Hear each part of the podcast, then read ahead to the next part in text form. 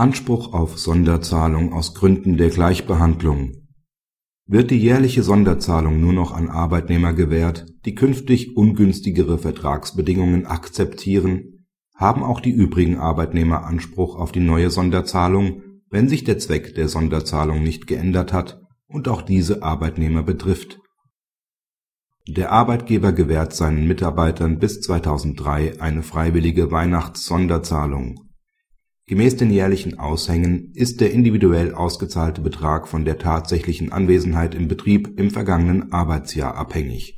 Fehltage verringern die Gratifikationshöhe erheblich. Ferner wird für den Fall des Ausscheidens aus dem Betrieb gestaffelte Rückzahlung vereinbart. Seit Herbst 2004 versucht der Arbeitgeber, die Mitarbeiter zum Abschluss neuer Arbeitsverträge zu verschlechterten Konditionen zu bewegen im November 2004 bleibt die freiwillige Weihnachtsgeldzahlung grundsätzlich aus. Nur diejenigen Mitarbeiter, die einen neuen Arbeitsvertrag unterzeichnet haben, erhalten eine Sonderzahlung.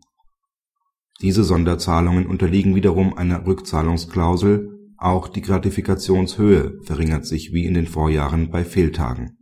Der Arbeitnehmer, der keinen neuen Vertrag unterzeichnet hat, verlangt die Sonderzahlung 2004 das BAG hält die Revision des Arbeitnehmers für begründet und gibt der Klage statt.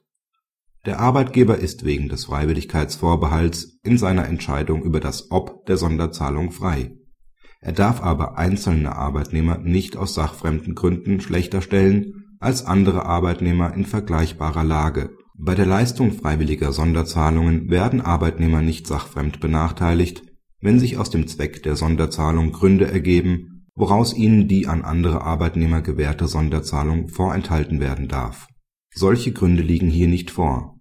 Die neue Sonderzahlung ist ebenso wie in den Vorjahren Anwesenheitsprämie und soll Mitarbeiter belohnen, die leichtfertige Krankmeldungen unterlassen.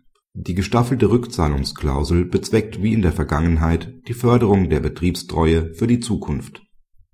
Die für 2004 zugesagte Sonderzahlung unterscheidet sich hinsichtlich ihrer Zwecke damit nicht von denen aus den Vorjahren. Diese Zwecke können aber auch Mitarbeiter erfüllen, die der Vertragsänderung nicht zugestimmt haben.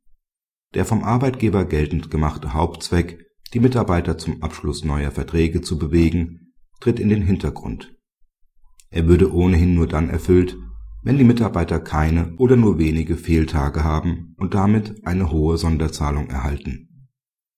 Praxishinweis in Krisenzeiten können Anreize geschaffen werden, um Arbeitnehmer zum Abschluss von Änderungsverträgen zu verschlechterten Konditionen zu bewegen. Bei der Ausgestaltung von Sonderzahlungen als Anreiz ist auf den Zweck der Zahlung zu achten, um Ansprüchen der unbeugsamen Arbeitnehmer aus Gründen der Gleichbehandlung vorzubeugen